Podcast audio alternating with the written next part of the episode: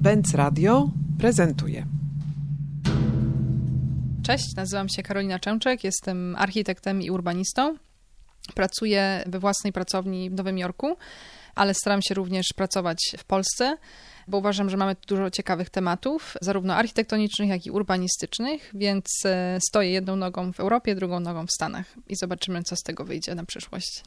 Klimat sprzyja temu, żeby korzystać z dobrodziejstw natury, natury, która w mieście często wybucha w okolicach no, takich, e, które chcielibyśmy, żeby nas prowokowały do wypoczynku, do tego, żeby zrzucać z siebie to jarzmo kultury, stać się trochę dzikim i baseny publiczne są okazją do tego, żebyśmy rzeczywiście wypoczywali w sposób no, taki bardziej swobodny. Ty od wielu lat zajmujesz się badaniem tego, w jaki sposób baseny wpływają na społeczne relacje w przestrzeni publicznej. Jako architektka, urbanistka, oczywiście badasz pewien bardzo specyficzny sposób, w jaki to się może odbywać. Jeden z powodów, dla których wydało mi się, że ta nasza rozmowa akurat w tym momencie roku będzie bardzo pożyteczna, jeden z powodów to taka teza, którą ty stawiasz, że nasze życie społeczne byłoby dużo lepsze, gdybyśmy się częściej przed sobą obnażali. To jest śmiała propozycja i zwłaszcza zaskakująca, kiedy pada ze strony architektki. Tak, zgadzam się. Myślę, że rzeczywiście baseny są takim tematem nie tylko architektonicznym, ale zdecydowanie tematem społecznym i myślę, że każdy z nas może sobie pomyśleć o momencie, kiedy, kiedy był na basenie, uczył się pływać lub po prostu w trakcie gorącego lata spędzał czas ze swoimi znajomymi lub rodziną. Więc ja jako, jako pływak również spędziłam dużo czasu na basenach, pływając, ale również po prostu leżąc na trawie i, i rozmawiając ze znajomymi. I teraz już jako architekt e, spojrzałam na te baseny w całkowicie inny sposób.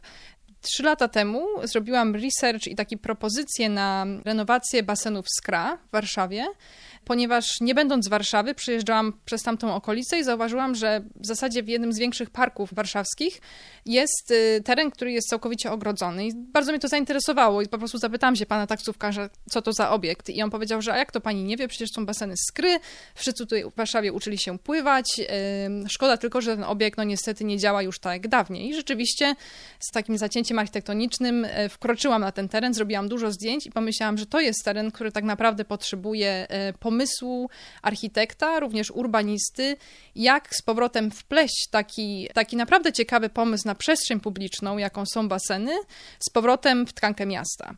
I teraz tak, zgadzam się całkowicie, że obnażanie się fizyczne to jest taki gest, który tak naprawdę y, też pozwala obnażyć się nam troszeczkę jako, jako obywatele po pierwsze eksponując nasze ciało, które czasami jest bardziej atletyczne, wysportowane, młode, ale również starsze ciało, pomarszczone, ciało, które może nie, nie jest takie typowe, standardowe. Po pierwsze pokazuje nam to, że każdy z nas jest troszeczkę inny, każdy ma inną formę i nie należy jej się wstydzić i tak naprawdę warto ją eksponować. I tutaj jakby idąc za tym, pomyślałam sobie, że tak naprawdę nie dotyczy to tylko takiej fizyczności, ale również naszego wnętrza, naszych przekonań, naszej wiary w różne elementy związane z miastem i codziennością. I rzeczywiście na tych basenach, jak czytając historię basenów rzeczywiście warszawskich, dużo jest opisów tego, jak różni artyści, obywatele spędzali czas, dyskutowali na tematy bardzo różne, od takich codziennych, domowych, że tak powiem, problemów, do tematów politycznych, do tematów kulturalnych, do różnych elementów życia publicznego.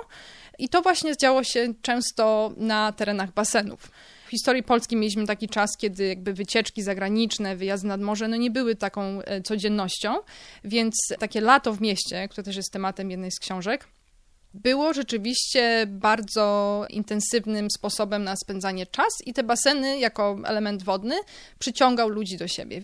Masz na myśli Lato w mieście Mikołaja Długosza, książkę z fotografiami miast polskich, którą e, Będzmiana wydała w ubiegłym roku. Tak, i ta książka moim zdaniem jest takim nawet rozszerzeniem tematu basenu, bo pokazuje, że są w mieście takie przestrzenie, również baseny, ale również parki, place, nawet otoczenia pomników, czy tak zwane graj obrazy, które były projektowane dla takich zabaw miejskich w osiedlach, które są elementem bardzo ważnym i nie zawsze one są jakby budynkiem e, i czymś z przekryciem. Czasami wystarczy, że jest to zwykła platforma, murek, e, stopnie, taka przestrzeń, która jest tak naprawdę oddana ludziom i jej funkcja i sposób zachowania jest zaprojektowany przez użytkowników, a nie architekta.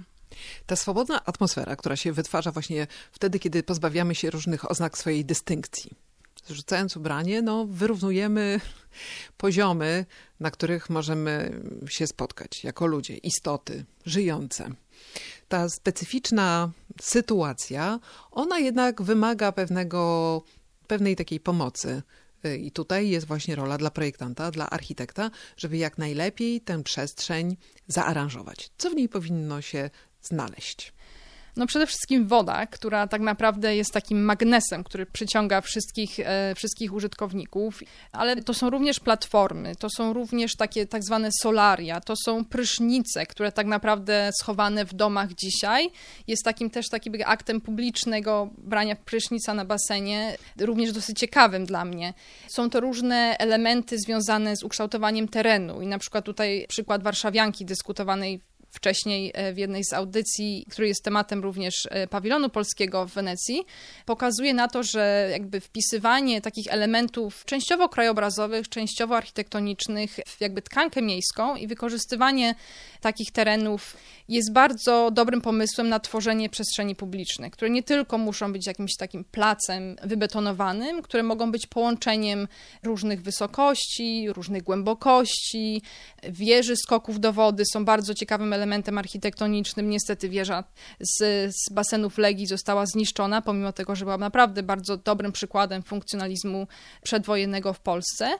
I tak naprawdę również te skoki z tej wieży do wody były taką ekspresją wolności, bo to jest taka wolność od grawitacji, ale również taka odwaga na skok w nieznane zazwyczaj z miękkim lądowaniem w wodzie, ale, ale tu też jest tak zawsze taki podwójny sposób czytania tych architektonicznych elementów. No, grawitacji zawdzięczamy to, że ten skok może być udany i że się kończy gdzieś w jakimś przewidywalnym momencie, ale kiedy o tym opowiadasz, wydaje się, że tego rodzaju miejsca publiczne są jednak ze swojej natury domeną takich geograficznie dobrze przygotowanych do tego przestrzeni, czyli krajów, w których nasłonecznienie jest dużo większe, w których ta cała kultura związana z używaniem plaży, z używaniem tych przestrzeni nadwodnych jest silniejsza ze względu po prostu na klimat. Pamiętam, że dwa lata temu podczas Biennale właśnie architektury w Wenecji w pawilonie australijskim była wspaniała wystawa, której punktem wyjścia i głównym tematem było to, co baseny robią no właśnie z życiem społecznym, jak one wpływają na to, w jaki sposób możemy się ze sobą komunikować. I tu cała ta kultura plaży nie wiem, brazylijskich, e, kultura plaży południowoeuropejskich, ona generuje bardzo dużo ciekawych tematów związanych z eksploatacją tych przestrzeni, z rosnącymi cenami gruntów, które znajdują się najbliżej najlepszych widoków i najbliżej plaży, co jest zresztą przekleństwem wielu y, bardzo pięknych, dawniej wspaniale ukształtowanych miast i miasteczek, a w tej chwili mocno wyzyskiwanych właściwie przez przemysł turystyczny. To jest w końcu także cała ta rozmowa o przymusie bycia atrakcyjnym, który dzisiaj mamy i który jest bardzo silną narracją, taką opresyjną, która zmusza nas do tego, żebyśmy poświęcali swoje życie, czas, emocje, pieniądze na to, żeby się denerwować i stresować tym, że nie jesteśmy wystarczająco atrakcyjni, wystarczająco doskonali, żeby się na widok publiczny wystawić. A więc to jest cały taki konglomerat bardzo trudnych problemów, które właśnie w tej wąskiej, malutkiej, niewielkiej czasami przestrzeni basenu czy jakiegoś takiego, takiego parku z wodą może się pojawić. I teraz, czy architektura ma dla nas jakieś odpowiedzi na te bardzo trudne pytania? Myślę, że warto teraz trochę cofnąć się w historii na bardzo wczesne przykłady, i tutaj przytoczę łaźnie rzymskie, które były naprawdę bardzo ważnym elementem przestrzeni miasta i takim miejscem, gdzie tworzyła się świadomość obywatelska i kulturalna w starożytnym Rzymie. I nawet Vitruvius w jednej ze swoich książek opisuje, jak budować łaźnie. I tutaj opis jest taki, że oczywiście jest ten element wody i, i jest to również związane z architekturą, która rzeczywiście nawet przykrywa te baseny, więc one są na pół otwarte.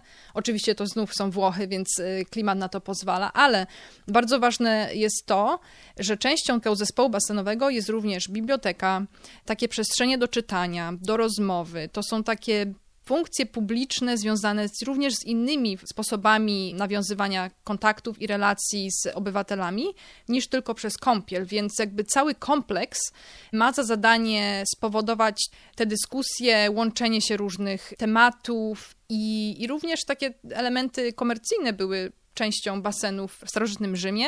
Na przykład baseny Karakali są podniesione na takim wzniesieniu i w tym wzniesieniu na zewnątrz, na obwodzie znajdują się sklepy, w których różni rzemieślnicy sprzedawali czy prezentowali swoje wyroby. Więc jakby tutaj nie chodzi tylko o ten program basenowy, tylko stworzenie miejsc, które będą elementem kulturotwórczym, elementem albo miejscem dyskusji na temat tego, jak wygląda nasze miasto, kim jesteśmy. No te dyskusje mogą być bardzo różne Więc ja zauważyłam, że woda rzeczywiście pojawia się często w takim momencie i ten element nagości, czy to fizycznej, czy takiej ludzkiej, nazwijmy to, w tym rzeczywiście pomaga, ale zgadzam się z tym również, że to nie tylko baseny, tylko również elementy takie architektury, która, no właśnie tak jak wspominałam, biblioteka, może ewentualnie muzeum, jakaś scena, performance'u, no tego typu program też działa w ten sposób.